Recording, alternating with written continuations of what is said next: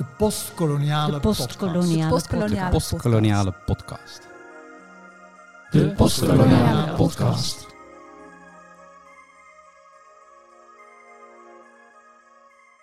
Daar werd wat groots verricht. Zo luidt de gevleugelde uitspraak gebaseerd op de woorden van Jan Pieterszoon Koen. Momenteel staat het koloniale verleden van Nederland in Indië meer dan ooit in de belangstelling. Vooral de laatste jaren is het Nederlandse zelfbeeld in relatie tot het koloniale verleden aan het wankelen gebracht. Helden van weleer zijn van hun voetstuk gevallen. Al staat het standbeeld van Koen, de stichter van Batavia, nog altijd rechtop in Hoorn. In 2016 werd er met rode verf genocide opgeschreven vanwege de door Koen aangerichte slachting op de Banda-eilanden met het symbool van de Verenigde Oost-Indische Compagnie, waarbij de letter O verwerkt werd in de tekening van een strop. We leven, kortom, in postkoloniale tijden. Maar wat houdt dat begrip in? Wat komt er kijken bij een postkoloniaal perspectief? En hoe moeten we koloniale literatuur lezen en onderzoeken? We spreken hierover met twee kenners van de Indische letteren. Pamela Patinama is emeritus hoogleraar koloniale en postkoloniale literatuur en cultuurgeschiedenis aan de Universiteit van Amsterdam. En Olf Braamstra is emeritus hoogleraar Nederlandse literatuur in contact met andere culturen aan de Universiteit Leiden. Allebei publiceren ze over koloniale en postkoloniale literatuur, vooral met betrekking tot Nederlands-Indië. Mijn naam is Rick Honings. Mijn naam is Koen van het Veer en u luistert naar de Postkoloniale Podcast. Dit is aflevering 1 en vandaag praten we over de postkoloniale benadering van literatuur. Uh, allereerst, uh, Pamela, wat is jouw persoonlijke band met Nederlands-Indië? Uh, zeer persoonlijk. Mijn familie komt uit Indië. Mijn ouders zijn geboren en getogen in Indië. Ik heb zelf de eerste drie maanden van mijn leven in Batavia doorgebracht. Dus Indië is mijn land van herkomst. Of heb jij een persoonlijke band met Nederlands-Indië? Nee, helemaal niet. Dan is wel de vraag uh, hoe je dan in contact bent gekomen met uh, koloniale literatuur over dit onderwerp. Ik denk, maar ik weet dat niet zeker, dat het het boek van Rob Nieuwenhuis is geweest. De Oost-Indische Spiegel. Omdat ik toen bezig was met een onderzoekje naar Multatuli. En daarin stond een hoofdstuk over Multatuli. En ik ben dat boek gaan lezen toen en heb ik het gekocht. En wat dacht je ervan? Leuk, dacht ik toen. Interessant. Ja, wat, wat... Schrijvers die ik niet ken, sommigen wel natuurlijk. Maar het, ik vond het wel een buitengewoon boeiend boek. Hoe was dat voor jou, uh, Pamela? Hoe ging dat met jou, met literatuur? Uh, en... Ja, dit is een heel merkwaardig verhaal. Ik, uh, ik, was, ik had mijn proefschrift geschreven, maar ik was nog niet gepromoveerd. Dus ik zat in een soort niemandsland. Dus een gat en ik wist niet wat ik moest doen met mijn leven. Ik wist niet welk project of onderzoek. En uh, op een dag stond ik voor mijn boekenkast. Um, ik zocht een boek. En opeens viel me op dat er echt talloze boeken over India in mijn boekenkast stonden. Echt fictie, geschiedenis, theorie. Uh, en ik was helemaal, ik was helemaal uh, aangeslagen. Want dat was ongeweten heb ik dus een, had ik dus een Indische bibliotheek aangelegd. Nou, toen wist ik meteen ook waar mijn volgende project over zou gaan. Indische literatuur. En, werd er tijdens de opleiding die je volgde al aandacht besteed aan Indische literatuur? Nou, niet als zodanig. Uh, Max Havelaar werd natuurlijk behandeld als uh, voorbeeld van vernieuwende literatuur. Maar ja, dat het in Indië speelde was een bijzaak. En de stille kracht van Couperen zal behandeld zijn, maar meer als een soort geheimzinnig, exotisch boek. Niet als een boek waarin je zou kunnen traceren wat de omgang met het, verleden, met het koloniale verleden van Nederland was. Dus in die zin werden we aandacht aan besteed, maar niet aan uh, uh, zeg maar de context van die boeken. Jullie zijn allebei opgeleid in Amsterdam. Uh, welke universiteit zat jij, uh, Pama? In de, aan de UvA Universiteit van Amsterdam. En jij, jij Olf? Aan de Vrije Universiteit. Hoe werd het, die Indische literatuur um, aan de Vrije Universiteit besproken in de opleiding? Nou, hetzelfde als wat Pamela net zei. Dat werd eigenlijk niet besproken, behalve dan inderdaad die meesterwerken. En daar hoorde dus de Stille Kracht bij en Max Havelaar en Land van Herkomst. Maar van schrijvers als Daum en Dermout had ik nooit gehoord. Dus die leerde ik eigenlijk pas kennen toen ik dat, uh, die Oost-Indische Spiegel van Rob Nieuwhuis las. En aan het eind van de jaren zeventig werden heel veel van die boeken van Daum ook herdrukt. Dus toen heb ik ze gelezen. Dus daarom was het een, ook een eye-opener voor je. Ja, dat was, was echt heel leuk om te lezen. Wat was En, daar zo eh, leuk aan? Uh, nou ja, het, was, het zijn snelle verhalen. De intrige stelt nooit zo heel veel voor. Dus het is een beetje. eh, ik- ik denk dat, je het, dat wij het toen eigenlijk niet eens literatuur noemden. Maar het las heel erg prettig. En het voordeel was dat je een, dacht ik toen, heel goed beeld kreeg van hoe dat oude Indië eruit zag. Ze zijn natuurlijk oorspronkelijk als feuilleton geschreven. Dat Ja. verklaart misschien ook waarom ze uitnodigen tot doorlezen. Ja, en ook, maar weet je wat er dan dus min, waarom ik net zei dat het niet zo literair was? Ze waren niet zo heel goed gecomponeerd. Je had heel veel losse eindjes. Er komen personen in voor en die komen later helemaal niet meer terug. Dus het waren niet eh, dat je dacht van. Dat- Het had niet het niveau van Max Havelaar of De Stille Kracht of eh, Het Land van Herkomst. Maar ze doen nu nog steeds heel modern aan, hè? Ja, van En dat is het voordeel Ja. is wel dat ze heel. eh, kijk, de stille kracht is. eh, die is echt geschreven op de manier waarop mensen toen dachten dat je literaire boeken moest schrijven. En Daum schreef gewoon eh, rechtstreeks Ja. om zijn lezers te boeien. En je zei net eh, dat je dacht dat het een realistisch beeld gaf van de koloniale samenleving. Ja. Daar denk je nu anders over? In welk opzicht? Nou, omdat je, kijk, toen was je er helemaal niet van bewust dat mensen beïnvloed konden zijn door koloniale ideologie. En dat die zich overal in het boek zou manifesteren. Dus je, je dacht, je las gewoon van, oké, zo, zo, zo zag het er dus uit. God het voor jou ook, eh, Pamela, dat je die boeken zo las? Of las je ze op een andere manier? In het begin bedoel je? Ja. Ja, ja nee, ik, ik- ja, ik las ze omdat, eh, omdat het prachtige verhalen waren. En eh, omdat ik iets wilde weten over mijn afkomst, mijn herkomst. Ehm, maar eh, ja, hoe ideologie verweven zit in, in literatuur, dat, dat was een later eh, inzicht. Kun jij je ook een auteur herinneren die je al vroeg gelezen hebt? de Perens. Pyrrhus? Maar ook eh Web Fuik. De korte verhalen van Web Fuik. En hoe, hoe las je die? Ik, uh, Couperus, ja, Couperus is natuurlijk een woordkunstenaar. Hij sleepte me heel erg mee. En ook heel erg. En ik vond die. die in, in het begin vond ik die geheimzinnigheid in de Stille Kracht echt, echt meeslepend en prachtig. En ook ehm, ja, eh, de, de wijze waarop hij eh, verschillende bevolkingsgroepen eh, representeerde, vond ik heel interessant. Wanneer zag jij in Pamela dat dat echt een letterkunde was? Een, misschien wel een apart segment in de Nederlandse literatuur, die eh, Nederlands-Indische letteren. Nou, eigenlijk vanaf het begin, toen ik, toen ik het begon te lezen, dat het anders was als, eh, dat het anders was als de Nederlandse eh autochtone, zeg maar, Nederlandse literatuur. Ehm, en al alleen al omdat het zich ergens anders afspeelde.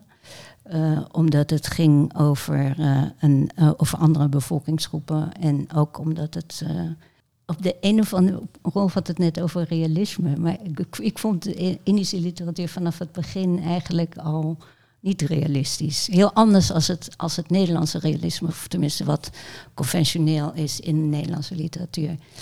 En dat vond ik wel intrigerend. Wat voor manier was dat dan anders realistisch? Ja, dat is, dat is, dat is een leuke vraag, moeilijk te beantwoorden. Er zaten heel veel eh, herhalingen in, in de zin van conventionele representaties. De manier waarop mensen werden uitgebeeld was heel vaak eh, ook cliché. En, en eh, dat herkende ik uit andere boeken, uit andere verhalen. Ehm, dat was, ja, ik vond dat wel een. ik dacht bij mezelf. Komt dat? Waarom, waarom eh, zijn die herhalingen ehm, zo belangrijk in, in, die, in die Indische literatuur? Ehm, dus ik viel meteen wel over het verschil tussen representatie in de zogenaamde inlanders, zoals de mensen uit Indonesië toen genoemd werden, en eh, Nederlandse personages. En die, die, eh, de Indonesische personages waren er natuurlijk alleen maar als, als, ja, als behang, als bijfiguur figuur om de Nederlandse personages glorie en glamour te geven. En eh, daar struikelde ik wel over, ja. Het speelt jou eigen jeugdjaren eh, in Batavia een rol in de manier waarop je dat soort boeken las? Nee, joh, ik was drie toen ik naar Nederland kwam. Dus ik, had, ik heb eigenlijk geen herinneringen aan. Maar wel, wat, me, wat natuurlijk wel heel erg meespeelt, is de manier waarop wij, Indische migranten, werden ontvangen in, in Nederland. Eh, heel erg paternalistisch, heel erg. eh, ja, jullie zijn anders. En eh, dat heb ik wel heel erg meegekregen, ja. En Olf, jij ehm, hebt niet, niet een persoonlijke band met eh, Nederlands-Indië. Waar komt die fascinatie dan vandaan? Van de, van de literatuur. Van wat ik Nou, toen voor. Nederlands-Indië en die geschiedenis. Mhm. Ik vond het heel anders dan Nederlands literatuur toen ik het las. Het is bijna alsof je een buitenlandse literatuur leest, maar die is opeens in het Nederlands geschreven. Niet vertaald, maar gewoon rechtstreeks in het Nederlands geschreven. Wanneer kwam jij tot inzicht dat het echt een, een aparte literatuur was, een aparte letterkunde vormde? Ja, eigenlijk heeft eh, Rob Nieuwhuis dat in de Oost-Indische Spiegel al zo opgezet. Hij, maar hij maakte er ook wel een punt van dat het een aparte literatuur was. In die inleiding schrijft hij ook, het gaat over andere onderwerpen, andere thema's, andere personen, et cetera. Ik denk voordat ik dat las, had ik die boeken van Daum al gelezen en dacht ik ook, ja, dat is gewoon, heel anders. Dat, dat hebben wij niet. En het zijn toch, het is toch in het Nederlands geschreven. Rob Nieuwhuis, die zou je kunnen zeggen, die hing de filologische benadering eh, aan. Ehm, Pamela, hoe kwam jij in aanraking met die postkoloniale benadering? Ehm, ja, dit is ook weer een heel, heel verhaal. Ja, eigenlijk, eigenlijk via mijn activistische verleden. Ehm, in de jaren, eh, eind jaren 60, jaren 70 waren een ontzettend revolutionaire tijd, ja, vind ik. Er kwamen allerlei kantelingen in, eh, in, het heersende burgerlijk, in de heersende burgerlijke idealen. Kritiek kwam daarop. Eh, allerlei cultuurkritische bewegingen, zoals de Tweede Feministische Golf, eh, de homo- en lesbo-beweging, eh antiracisme-beweging. Ehm, die, die kwamen in die tijd allemaal op en ik, ik deed daar lustig in mee. Maar de, ehm, de feministische beweging was een hele, in het begin was een hele witte beweging. Daar was ik me toen helemaal niet van bewust. Totdat zwarte vrouwen zich gingen groeperen. En eh, racisme was geen item in de, in, in, binnen het feminisme, witte feminisme. Bij, voor, hun was dat natuurlijk het, belangrijkste issue. En ehm, dat heeft me wel met een schok ehm, eh, teruggebracht op mijn eh, identiteit. Ik begon heel erg na te denken over mijn niet-witte identiteit, afkomst. En ehm, ja, in die tijd was, eh, waren natuurlijk ook de anti-Vietnam-bewegingen, eh, de anti-oorlogs ehm, ehm, eh, groepen, groepen en die sloegen over naar Nederland. En hier begon men ook na te denken over het eigen, de eigen oorlogen in het buitenland, eh, koloniale oorlogen. Oh ja, en wat een belangrijk punt was natuurlijk eh Huting, die in 69 op televisie kwam en de misdaden, eh, oorlogsmisdaden aanklaagde. Eh, in de vroege jaren 80 kwam eh, Marion Bloem uit met eh, Geen gewoon Indisch meisje. Een boek waarvan ik meteen dacht, oh, dat had ik moeten schrijven. Eh Adriaan van Dis komt natuurlijk met Nathan Sit, later Indische Duinen. Dus zo langzamerhand eh, ging dat ook, ging, ging mijn, mijn ideeën over identiteit en over wit en zwart. Eh, dat, dat ging ook over in mijn, eh, in mijn onderzoek, in mijn werk. Eh, ik gaf genderstudies aan de UvA. En ben steeds meer, eh ik las Said natuurlijk in die tijd, ehm, de postkoloniale benadering gaan eh, toepassen. En jij, Olf? Ik denk dat het kwam door een artikel dat ik las in de Nieuwe Taalgids, heel saai blad, van Siegfried Huygen over Kuifje in Afrika. En dat, dat boek kende ik.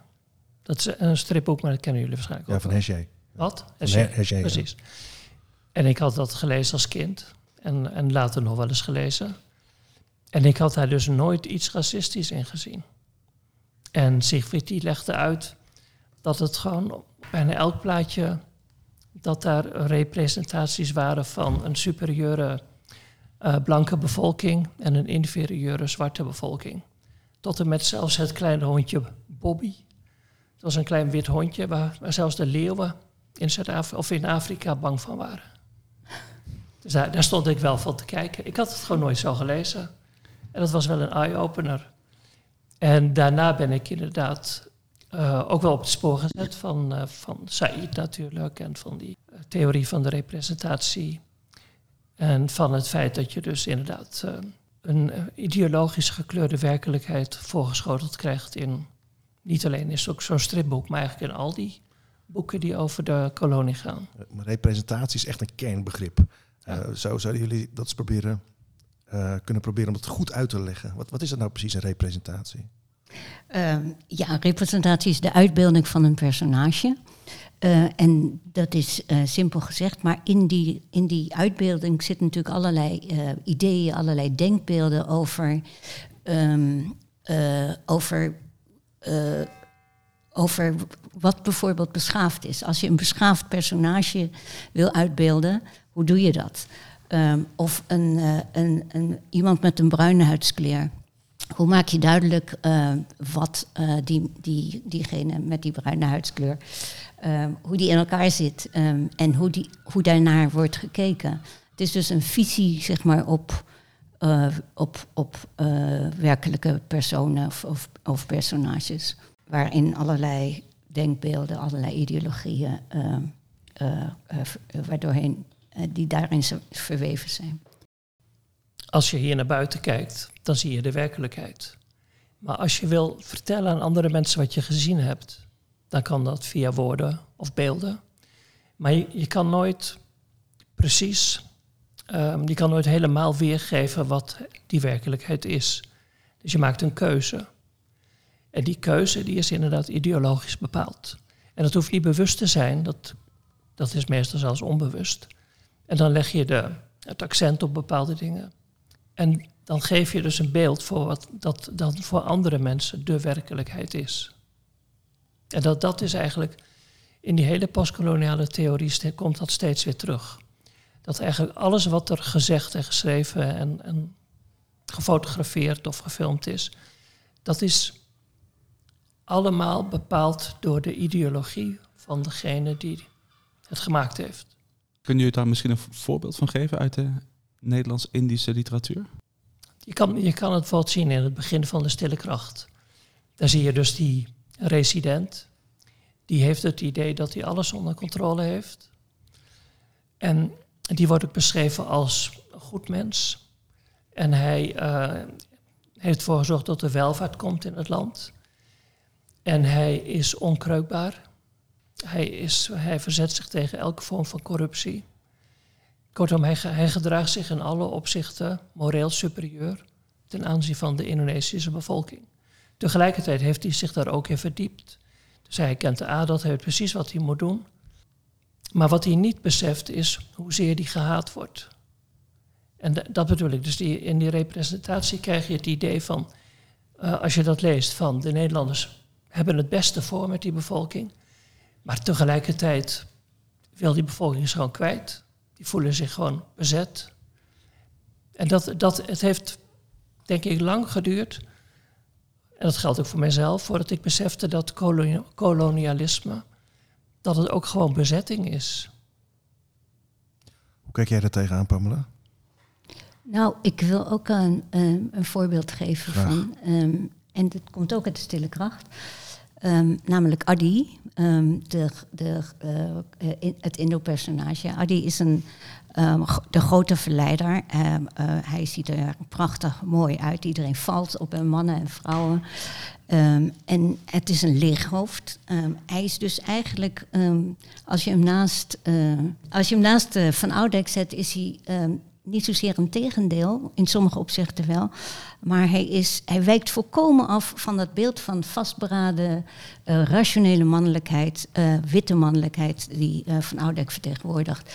Hij is bruin, hij is vrouwelijk, verweekt eigenlijk, slap, denkt alleen maar aan seks en erotiek. dus geen enkele rationele... Maar dat is dan niet zo vrouwelijk? Nou, dat wordt wel gezien als vrouwelijk. Ja, dat Als je alleen denkt aan seks en erotiek. Ja, de vrouwen zijn uh, de, zeg maar het zinnenbeeld van seksualiteit en, zin en uh, erotiek in mannenogen. Oh. Niet in alle, maar... Oké, nee, dat is goed.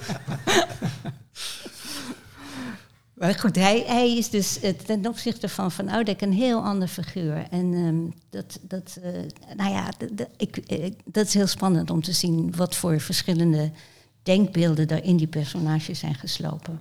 Wat dat te maken heeft ook met eh, denkbeelden over politiek, over kolonialisme, over ras en over gender. Nou, dat ik vind het wel leuk hoor, het voorbeeld van Adi. Want hij wordt ook ehm, het meest geslaagde voorbeeld van vermenging van twee rassen genoemd. En, en Beekman heeft in zijn eh, Troubled Paradise, geloof ik, heeft hij ehm, nog eens een keer gezegd, kijk, hier heeft Couperus zoiets van, dit is nou zoals het zou moeten zijn. Maar als je het in de stille kracht leest, dan staat er meteen bij dat hij dus in het uiterlijk is hij, is hij geweldig. Maar innerlijk, hij was, elke intelligentie werd hem ontzegd. Ja, hij is opportun, corrupt. Ja. eh, Maar ook superdom. Maar is Ja. dat dan het verschil tussen eh, wat je ziet als je een filologische benadering aanhangt en, eh, versus een postkoloniale benadering? Keek Beekman filologisch en zag hij het daarom niet? Eh, ik weet niet of je hem filologisch kunt noemen. Hij, eh, het is hem niet opgevallen. Het is niet opgevallen. En ja, eh, ja je kan postkoloniale benadering hanteren zonder dat je dingen opvallen. Jammer. Maar het is wel zo dat je met een postkoloniale benadering geneigd bent om kritischer te kijken. Wat, je, wat ik vind eigenlijk bij die, bij die wat meer standaard, die, die traditionele benadering, dan was het, je, je, je hebt de biografische achtergronden, de historische achtergronden. En verder ging het om tekstinterpretatie, thema's, stijl. Maar wat ze vaak niet deden was kritisch kijken. En als je kritisch kijkt, zie je veel meer nuances. En Zeker, veel meer. En, zeker. en dat, dat vind ik het grote voordeel van die postkoloniale benadering. Je verliest heel veel als je gewoon zo kritiekloos naar die eh, koloniale boeken kijkt. Met die postkoloniale benadering is bepaald niet nieuw. Hè? Said, 1972, Ja. 79. 78. 78. 78. Said, 78. Eh, zo weet ik. Maar toch, eh, zo'n benadering roept nog steeds, bij, zeker bij sommige wat oudere onderzoekers, weerstand op. Er wordt gezegd van, eh, je kijkt te veel vanuit de huidige tijd naar het verleden. Nou Ja, hoe kan dat? Dat, er, dat het na al die jaren, na al die decennia, nog steeds weerstand gevoeld wordt tegen een kritisch perspectief op het koloniale verleden? Ik, ik denk dat het komt omdat de, zeg maar de, de Nederlandse koloniale overheerser, dat daar een minder flatterend beeld van wordt geschetst dan vroeger. Ik zie eigenlijk een beetje hetzelfde effect als in 69 met Huting. Toen hij verhaalde over die, waar Pamela het net over had, over die ehm, oorlogsmisdaden van die Nederlandse soldaten. Toen werd daar heel furieus op gereageerd. Dat was, eh, ik bedoel, dat deed je niet, zulke dingen. Dat, dat, dat bracht je niet in het openbaar. Dat was de vuile was buiten hangen. En als zij horen dat er bijvoorbeeld in die door hen zo gewaardeerde koloniale boeken, dat daar dus eh, dat die gebaseerd zijn op een koloniale ideologie die voor de onderdrukte bevolking niet prettig was. En dat je daar niet zo trots op kunt zijn als zij gewend waren te zijn. Ja, dan eh, voelen ze zich in hun kuif gepikt. Hoe kijk jij dat tegenaan, Pamela? Nou, het is natuurlijk zo dat Nederland heel erg laat eigenlijk is begonnen met het denken, nadenken en het onderzoeken van het koloniale verleden, van, eh, vergeleken bij eh, buitenlanden. Ehm, en, eh, en ik denk dat dat komt omdat Nederland een ontzettend gezwollen ehm, zelfbeeld heeft. Eh, Nederland heeft zichzelf altijd gezien als een gidsland, een voorbeeld voor andere eh, koloniserende mogendheden. Eh, eh, we zijn klein, maar groots in onze daden. En dat hele verleden is ook altijd gezien en, en eh, beschreven in termen van grootsheid, van heroïek, van, van wij hebben dat toch maar geklaard. En het is moeilijk om, om zelf onderzoek te doen, om jezelf zeg maar, op een andere manier te bekijken dan via een flatterende spiegel. Maar wel nodig natuurlijk. Maar dat, dat is ook zo. Hè. Het Nederlandse koloniale systeem werd door Nederlanders ook altijd superieur geacht aan dat van Engeland. Ja. Dus wij deden het echt veel en veel beter. Wij waren ook, wij waren ook als het ging om koloniseren, een gidsland. Ja. Als je, als je wilde koloniseren, moest je het zo doen. En waar zat hem dat in dan? Dat, dat, eh, dat het een beter kolonialisme was volgens de Ja. Nederlanders? Maar wat was en er er dan, was- wat was er er dan beter? Nou ja, bijvoorbeeld de, de manier waarop de nakomelingen van, uit gemengde huwelijken eh, in, in Nederland de status kreeg van Europeaan. Dat was iemand als Leipold die Indië bezocht, die zag dat als een voorbeeld voor Zuid-Afrika. Dus Als hun van- vader hun erkende. Ja, ja, als zijn vader herkende. Maar ik bedoel, zelfs eh, hun vader in, in Zuid-Afrika was je gewoon, of in India, telde je nooit mee. En hij zag dat echt van als de oplossing van het kleurlingenprobleem in Zuid-Afrika. Nou ja, het was, Nederland eh, eh, klopte zichzelf op de borst natuurlijk ook omdat ze grote winsten maakten in, eh, in, eh, eh, in India. En eh, vergeleken met, de, met het buitenland was dat echt eh, gigantisch meer. Dus in die zin was het ook eh, een, eh, een, een plaatje waar je trots op, eh, trots op eh, kon En zijn. het was, en het was relatief eh, rustig. Maar hoe drong dat door tot in de literatuurwetenschap? Eh, is de postkoloniale benadering echt wezenlijk anders dan de traditionele benadering? Wezenlijk anders. Toen ik begon met de postkoloniale eh, benadering toepassen, was echt alsof ik. eh, alsof het van saai naar opwindend ging. Van kaal naar diepte. Van afstandelijkheid naar iets wat met mijzelf te maken had. En ik denk, eh, nou, wat Oval zei, dat het een, een hele kritische, vlijmscherpe eh, benadering is, waarbij het vertoog, eh, om de term van Foucault te gebruiken, ehm, eh, geanalyseerd wordt. Om te, om te zien hoe een tekst niet op zichzelf staat, niet een esthetisch product hoeft te zijn, maar hoe, wat, wat eigenlijk de macht van literatuur is. Hoe, hoe meeslepend literatuur kan zijn en daarbij allerlei kwalijke zaken zoals kolonialisme legitimeren, bevestigen. Maar de macht van de literatuur is natuurlijk ook dat, dat eh, eh, wantoestanden ondermijnd, of eh, het, de grootheid daarvan ondermijnd kunnen worden. En ehm, wat ik ook heel belangrijk vind bij de postkoloniale benadering, is dat je teksten, dat, de functie van teksten en van verhalen geanalyseerd kunnen worden, kan worden. De manier waarop teksten ehm, zich verhouden tot, eh, tot de sociale werkelijkheid. eh, de manier waarop lezers eh, meegesleept kunnen worden of juist, of juist niet. Ja, ik, ik, ik vind dat een hele belangrijke benadering. Ik ook. En wat mij ook opviel, dus alle, ik, ik deel die, die opvattingen van Pamela. Wat mij ook opviel is hoeveel makkelijker je het dan kan vergelijken met internationale ontwikkelingen. Dus dat je wat je in de Engelse en de Franse literatuur ziet. En dan bedoel ik het niet vergelijkingen tussen afzonderlijke schrijvers, maar gewoon eh, stereotypen. Die, die in alle literaturen steeds weer, en al die koloniale literaturen steeds weer eh, terugkomen. En die je dus ook. Het is niet zo als je vroeger met Indische letterkunde bezig hield, dan zat je eigenlijk in een hele kleine Nederlandse vijver. En nu met die postkoloniale benadering kan je ze heel internationaal bestuderen. En kan je ook aansluiting vinden met die eh, andere koloniale literaturen. Doet de, doet de postkoloniale benadering volgens jou dus geen afbreuk aan de literatuur, zoals sommige lezers wel opmerken? Ook studenten die vragen zich wel eens af hè, van, ja, waarom moeten we dit soort eh, racistische boeken eh, lezen? Nou ja, in tegendeel, de postkoloniale benadering is een verrijking juist van de, van de literatuur. Je ziet er veel meer in dan wanneer je alleen maar kijkt naar een thema of een genre of een stroming. Ehm, je, je ziet eh, hoe werkelijkheden worden eh, weergegeven. Hoe je, eh, eh, een, om maar Zijstra te noemen, hoe je reclame eigenlijk met de postkoloniale benadering kunt ontleden. En zien hoe je verlakt wordt door die, door die eh, reclame, maar ook door de literatuur.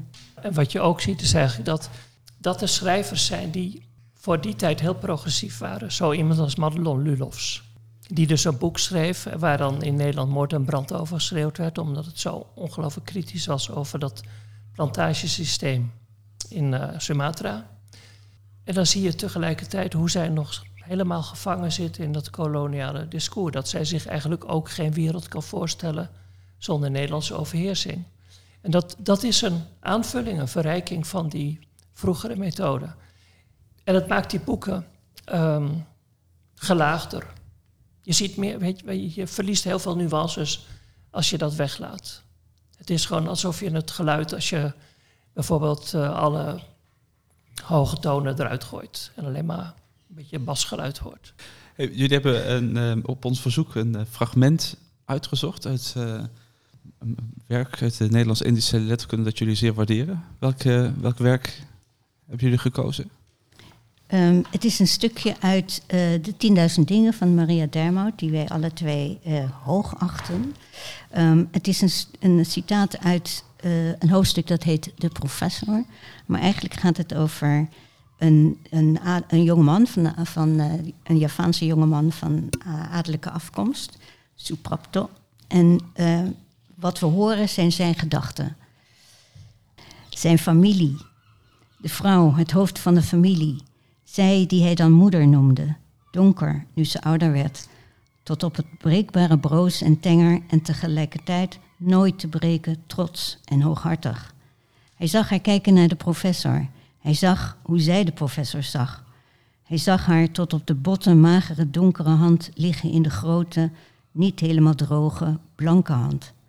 Hij zag hen om een ma- marmeren tafel zitten. Zijn moeder op de sofa, zo slank in een van haar allermooiste batik. Een donkerzijde effe kabaai, al haar juwelen. Zij zou doen alsof ze geen woord Hollands verstond. En niet zeggen en beleefd en afwezig glimlachen. En opletten en ieder woord verstaan. Als hij wegging zou zij de professor naast staan kijken.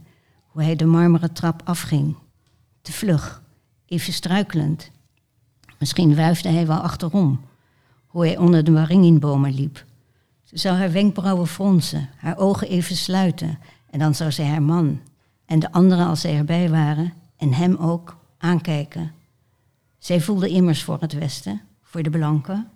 Daar ging dan een blanke, een professor, hoog geleerd. Zoals zij zo'n woord zeggen kon. Een professor is toch hoog geleerd? De professor van Suprapto. Onmogelijk. Het kon niet. Waarom hebben jullie dit fragment uitgekozen?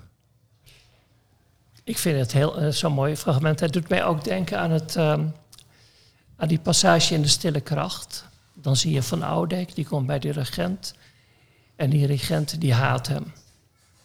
Maar hier is het eigenlijk nog een stapje verder. Deze moeder, dus het hoofd van de familie, die haat niet alleen de Nederlanders, maar zij kijkt op ze neer. Zij, en zij vindt het belachelijk dat iemand als Sorapto eigenlijk achter die Nederlanders aanloopt. Dat- in dat laatste zinnetje wat Pamela net voorlas. Dan staat ook zij, zij voelden voor de blanken. Dat in tegenstelling tot zijzelf. Zij, zij, had, zij, zij had niets meer. Zij vond het gewoon eh, eigenlijk een vreselijk volk. En dat, dat zie je ook terug in. Dan zou zij haar hand geven en die hand van die professor. Die was ook niet helemaal droog. Echt zo'n klamme, vieze zweethand. En dus in alles, alles is zij superieur aan die koloniale overheerser. En dat zou zij ook uitstralen. En die professor zou ook onhandig van die trap afvallen. Nou ja, afdalen. Hij zou niet vallen, maar wel bijna. En dan zou zij echt gewoon met, een- met zo'n glimlachje superieur om zich heen kijken. Dat is mooi. Dat is heel mooi. Wat ik belangrijk vind in dit citaat, ehm, waar- waarom we het hebben uitgekozen, is ook omdat binnen de eh, Indische literatuur bijna alleen maar de woordvoerders Nederlanders zijn, witte, witte personages. En hier is eh, deze Javaanse prins, eh, wij horen zijn gedachten. Die, dat hoofdstuk heet wel De Professor, maar het gaat eigenlijk over hem. Over zijn innerlijke worsteling, dat hij tegelijkertijd, hij weet niet waar hij precies staat tussen West en Oost. En eh, inderdaad ook wat Olf zegt, dat die, dat die moederfiguur ehm, zo eh, laatdunkend kijkt naar de Nederlanders. Wij, wij lezen in de Nederlandse of in de Nederlands-Indische literatuur natuurlijk voornamelijk de laatdunkendheid van de Nederlanders ten opzichte van de inlanders. Maar hier zie je hoe zij ja, eh, echt eh, neerkijkt op die eh, rode koppen die niet weten wat de adat is en die niet weten hoe het hoort. Het is echt, ik, ja, ik vind het echt een uitzonderlijk stukje in de, in de Indische literatuur. Ma- maakt dat dermaat ook uitz- uitzonderlijk? Ja, Dermout is uitzonderlijk. Ehm, zij, zij, haar, haar prachtige boek, De 10.000 Dingen. Die, het gaat, gaat over tijd eigenlijk. Zij laat zien in de. Ze schrijft prachtig, eh, dat op de eerste plaats. Maar ze laat ook zien hoe, hoe, hoe herinneringen, hoe de verleden tijd eh, voortdurend voortduurt. Dat, dat die eh, helemaal verbonden is en binnen, binnen het eigen tijdse, bin- binnen het he- hedenda- hedendaagse. Ik vind, ja, zij, zij is. Ja, ik vind haar een uit- uitzonderlijk schrijfster in de, in de Indische literatuur. In het begin werd zij nogal eh, ja, veronachtzaamd, maar nu behoort ze toch echt wel tot de top schrijfsters, schrijvers, eh, auteurs van de, van de Indische letterkunde. En wat, wat zou de rol van haar werk kunnen zijn in het huidige debat over ons koloniale verleden in Nederlands-Indië? Nou, wat, ik net zei, dat je, dat, je, eh, dat, het, dat je het verleden niet kunt uitwissen. Dat het verleden voortdurend een rol blijft spelen in, in het eigen tijdse. En als je dan weer naar de politiek gaat, dan kun je zeggen, je kan, je kan ook zien hoe koloniale gedachten, eh, racistische gedachten, nog steeds in ons cultureel archief eh, zitten. Dat wij, dat iedereen eigenlijk nog steeds eh, onbewust behept is met, met dat soort ideeën. En dat je echt actief eh, eh, zelfonderzoek moet doen, zowel particulier, individueel als nationaal, om te zien hoe, die, nou ja, hoe, je, hoe jij beïnvloed bent door koloniale ideeën. En welke, welke rol spelen de archieven dan bijvoorbeeld van die Asian Library in dat onderzoek? Hoe moet je met die archieven omgaan? bekijken, erin gaan. Precies eh, ehm, ehm, ehm, proberen voortdurend de re- relatie te leggen tussen wat daar opgeslagen is. Er ligt heel veel, in alle archieven ligt heel veel wat nog nooit bekeken is. En wat ook steeds meer eh, iets toevoegt aan hoe wij denken over het verleden en hoe wij omgaan met, het verleden. En dat, ja, archieven zijn van een onschatbare waarde. In Leiden hebben dus ook de, de, ja, een van de grootste Indonesië-collecties in de wereld. Ehm, daar liggen denk ik allemaal schatten ehm, die ook een, een ander perspectief bevatten op het koloniale verleden. Tegelijkertijd ehm, zijn er maar weinigen die daar gebruik van maken en kunnen maken. Mhm. Ja, wat moet er gebeuren om dat te veranderen? Ja, dan, zou je moeten denken aan wat. eh, kijk, Henk Maier, hoogleraar Indonesisch hier in Leiden, die heeft daar eh, vroeger al een keer een boek over geschreven, Playing Relatives. En dan kom je dus ook, dan lees je ook over boeken met geschreven door Indonesiërs met Indonesische hoofdpersonen, bijvoorbeeld de student Groen. Dat was dan een Indonesische student die in Leiden studeerde. Die boeken die kan je gewoon lezen. Maar verder is dat, dat onderzoek is natuurlijk niet iets dat ik zou kunnen doen. Daarvoor moet je dus Indonesisch beheersen. Zou er veel meer samenwerking moeten komen tussen ja, eh, er moet natuurlijk altijd meer samenwerken. onderzoekers van de... Maar dan, dan moet je dus dan moet je ook ehm, ervan uitgaan dat er van de kant van Indonesië ook meer interesse zou zijn in dit soort boeken. Dus niet alleen van de kant van Nederlanders. Nou, ik, ik denk dat het heel belangrijk is om. eh, ik had het net over zelfonderzoek, eh, nationaal zowel als individueel. En een deel daarvan is heel, eh, heel goed luisteren naar wat andere, zeg maar, de tegenstanders te zeggen hebben over vroeger, maar ook over nu. Over wat de relatie tussen Nederland en eh, Indonesië kan zijn. Of wat Ol zegt, is natuurlijk waar. Dat we, dat, ja, ik spreek ook niet eh, genoeg Indonesisch om eh, die archieven in te gaan. Maar er zijn jongeren die wel Indonesië, goed Indonesisch leren, praten, begrijpen. En ik hoop, ehm, ja, ik hoop eigenlijk dat de Indische literatuur, maar ook de, de archieven over, van Indonesië, dat die een steeds grotere rol gaan spelen eh, in het eh, zelfonderzoek van Nederland eh, naar, ehm, de, naar het koloniale verleden. Welke hoop koester jij omtrent de studie van de Nederlands-Indische letteren of wat zou er volgens jou moeten gebeuren? Hoe bedoel je eigenlijk? Nou ja, hoe moeten we verder? We hebben nu een postkoloniale benadering. Eh, Ja. Er zijn studies uitgekomen, er is onderzoek uitgekomen. Hoe zie, hoe zie jij de toekomst? Ja, kijk, het is, het is, eh, als het om literatuur gaat, Literatuur. dan is het zo dat als je literatuur De breedste zin. Nou ja, kijk, literatuur leeft alleen maar, of laat ik het zo zeggen, als, je, als een boek net uitkomt, wordt het gelezen. Of als het in een literatuurgeschiedenis staat. Of als er over geschreven wordt. Dus als jij denkt van hier zijn boeken die heel belangrijk zijn, waarvan ik zou willen dat mensen ze blijven lezen, dan moet je ze onder de aandacht brengen. Ik bedoel, Maria Dermoot is wel een goed voorbeeld. Die is heel lang niet onder de aandacht gebracht. En Rob Nieuwenhuis heeft haar ook in de Oost-Indische Spiegel uh, slecht behandeld. Dat mag natuurlijk. Een schrijver vond hij het. Wat? Een tuttige schrijver. Ja, met verkleinwoordjes en zo. Maar dat is, dat is vaker gebeurd. Dat is ook gebeurd bijvoorbeeld met uh, Madelon Lulofs, met Rubber. Dat heeft Rudy Kousbroek naar voren gehaald. En het, het gebeurt, of met Delila, met Joop van den Berg. Dus weet je, je ziet gewoon als je die schrijvers, als je die niet behandelt, dan gebeurt het niet. Nou, dan hoeft het niet alleen over schrijvers te gaan. Het kan ook over thema's gaan. Het kan ook over benaderingen gaan. En dan kan je dus die boeken op een nieuwe manier presenteren aan het publiek. En dan gaan ze ze lezen.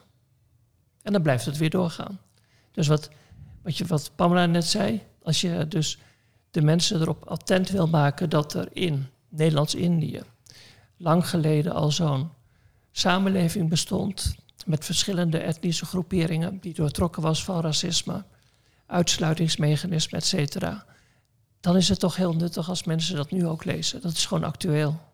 Ja, en, en wat, er natuurlijk, wat natuurlijk ook erg interessant is, is dat de Indische literatuur helemaal niet uh, opgehouden is. Er, er, komen nog steeds uh, boeken, fictie en films ook uit. Ik, ben, ik hoop ook echt dat, dat die interactie tussen beelden en, en tekst, dat daar veel onderzoek naar komt. Omdat we leven in een visuele cultuur, dus dat, dat is ook heel belangrijk om andere visies te te ontwikkelen over, over het verleden. En die nieuwe literatuur die nu wordt geschreven, die heeft ook een ander, dat is heel interessant, die heeft ook een andere visie op het, op het verleden. Ja, dat zie je heel duidelijk. Ja. ja. Die, jij kent het meteen als een boek dat geschreven is vanuit een postkoloniale visie. Ja. En dan zie je dus dat de Indonesiërs krijgen een hele andere rol in die boeken. Ook al worden die boeken nog wel steeds geschreven door Nederlanders. Heb je daar een voorbeeld van? Nou, Dido Michielsen bijvoorbeeld. Lichter dan de, ik? De, de, manier waarop van, zeg maar, vanuit de denkwereld van zo'n Jai de omgeving wordt beschreven is totaal anders dan als je een boek leest over de Njai bij, uh, bij Daum. En hoe wordt er dan over de Njai bij Dido Michielsen geschreven? Als een uh, onafhankelijke, avontuurlijke, onderzoekende vrouw. Die zich heel goed bewust is van haar kwetsbare positie. En die eigenlijk uh, bedrogen wordt, in ieder geval aan het lijntje wordt gehouden door de man op wie zij denkt verliefd te zijn. En die daarna gewoon vecht voor haar kinderen om daar een goed leven voor te. Um, om, om ervoor te zorgen dat zij een goed leven krijgen. Terwijl daarvoor waren Njais waren altijd een beetje wat, uh, wat zullige, dommige meisjes. En die uh, lieten zich makkelijk wegsturen en dan gingen ze weer naar de kamp Onbetrouwbaar. Onbetrouwbaar ook. Nou, nou, ja, het is, het is ook heel belangrijk um, uh, in, uh, in uh, Lichter dan ik, dat um, de Njai een eigen stem heeft gekregen. Weet je, vroeger werd er alleen maar over haar gepraat. En, en werd er, waren er representaties die vanuit anderen over Indonesische vrouwen werden um, geventileerd. Zo'n film bijvoorbeeld als Ze noemen mij Babel er bestaan twee uh, vrouwelijke personages in de Indische literatuur die je niet weg kunt denken, de Njai en de Babel. En in die twee, uh, zowel bij Dido als bij uh, Berends, is, heeft de Njai en de Babel hebben stemmen gekregen. En ehm, de Babel in, in Ze noemen mij Babel is een, net als de Njai bij, bij Dido, een hele zelfstandige vrouw die haar eigen keuzes maakt, ehm, die uh, uh, gedwongen huwelijken afwijst, die meegaat naar Nederland, die het avontuur zoekt en die ook, ja, ook politiek geëngageerd raakt. En een mooi voorbeeld daarvan is natuurlijk ook de Njai bij uh, Pramodia. Waarom is dat een mooi voorbeeld? Nou, dan zie je voor het eerst ook zo'n zo'n ontzettende kordate Njai, in, in dat, ehm, die dus gewoon een hele uh, wat was het, een koeienstal met melk ja. exploiteert. Melk, is en die, die heel onafhankelijk is en die helemaal geen man nodig heeft en die zich financieel goed kan onderhouden. die geeft ook een heel ander beeld. Het leuke is dat dat natuurlijk door een Indonesië geschreven is. Maar dat, dat wijst bijna, en dat is natuurlijk veel en veel ouder. Ik denk uh, begin jaren, nou het was na die boeren, dus zal het uh, in de jaren tachtig geschreven zijn. Maar dat is dus wel 40 jaar eerder nog dan uh, Dido Michielsen. Tot slot. Welk boek ja. uit de Indische letteren of de postkoloniale literatuur zou iedereen moeten lezen? Jullie hebben al verschillende titels genoemd natuurlijk, maar welk boek moet iedereen lezen en uh, welke les voor het hier en nu, vandaag de dag, kunnen we daaruit halen? Nou, ik heb twee boeken. Um, uh, ten eerste natuurlijk De 10.000 Dingen van Maria Dermout. Vanwege uh, het, het, het, spel met, met de tijd, waarin ze, met herinneringen, um, dat ze daarin speelt. Maar ik wil ook een, een geschiedenisboek noemen, namelijk van een Australische historica, Jean Gelman Taylor. Um, The Social World of Batavia, vertaald als Smeltkroeg Batavia. Um, dat is een heel uniek boek, omdat zij voor het eerst um, laat zien hoe vrouwen uh, opgeklommen zijn zeg, binnen, de, binnen het koloniale bestuur van tot slaafgemaakte tot de hoogste bestuurlijke kringen. En ook dat zij laat zien wat de rol van vrouwen is binnen uh, het ontstaan van de gemengde Indo-groep, van de Indische groep. En de, de witte nieuwkomers kregen kinderen met, met uh, lokale vrouwen. En uit die, uh, uit die kinderen is, is de Indische groep, uh, mijn groep dus, ontstaan. Of? Ja, ik vind dat ze heel veel boeken moeten lezen. Maar ik heb onlangs een stuk geschreven over de paupers van Victor Ido. En dat vond ik, en dat is dus een boek dat niet zo heel veel gelezen wordt. Ik denk ook niet dat er op dit moment een uh, dat het op dit moment in de boekhandel te koop is. Maar dat is ook heel erg goed geschreven. Dat gaat dus over de Indo-Europese bevolking, de paupers van Indië. En dat begint al eigenlijk heel mooi in de beschrijving van het huisje waar ze wonen. Dat huisje dat ziet er, het is klein, maar het is eigenlijk een soort miniatuur westers huis. Met een voorgalerij en twee stoelen erop. Maar het leuke ervan is dat de achterdeur van het huisje, dat komt uit op de kampong. Zij wonen dus letterlijk tussen die twee samenlevingen in. En in dat boek zie je dat zij dus ook officieel horen bij die Europese bevolking.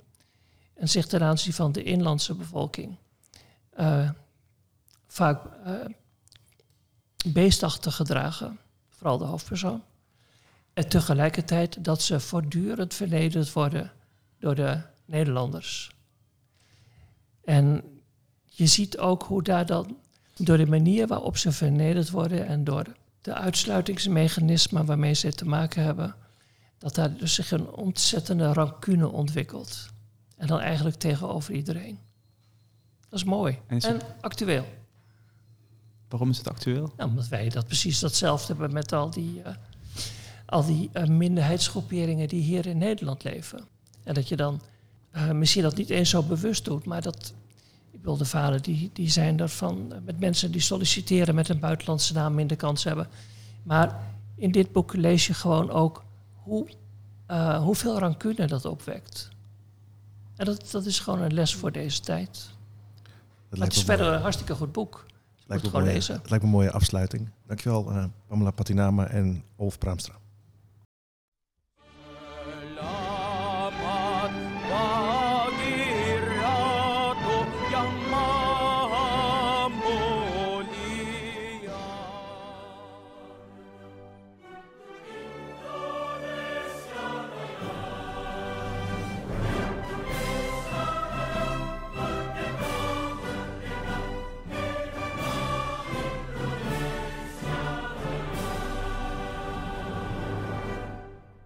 Postkoloniale podcast werd gemaakt in het kader van het NWO-VIDI-project Voicing the Colony Travelers in the Dutch East Indies, dat aan de Universiteit Leiden wordt uitgevoerd binnen het Leiden University Center for the Arts in Society, Lucas.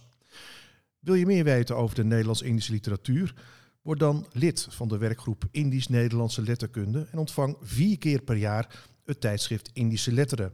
Zie voor meer informatie de website.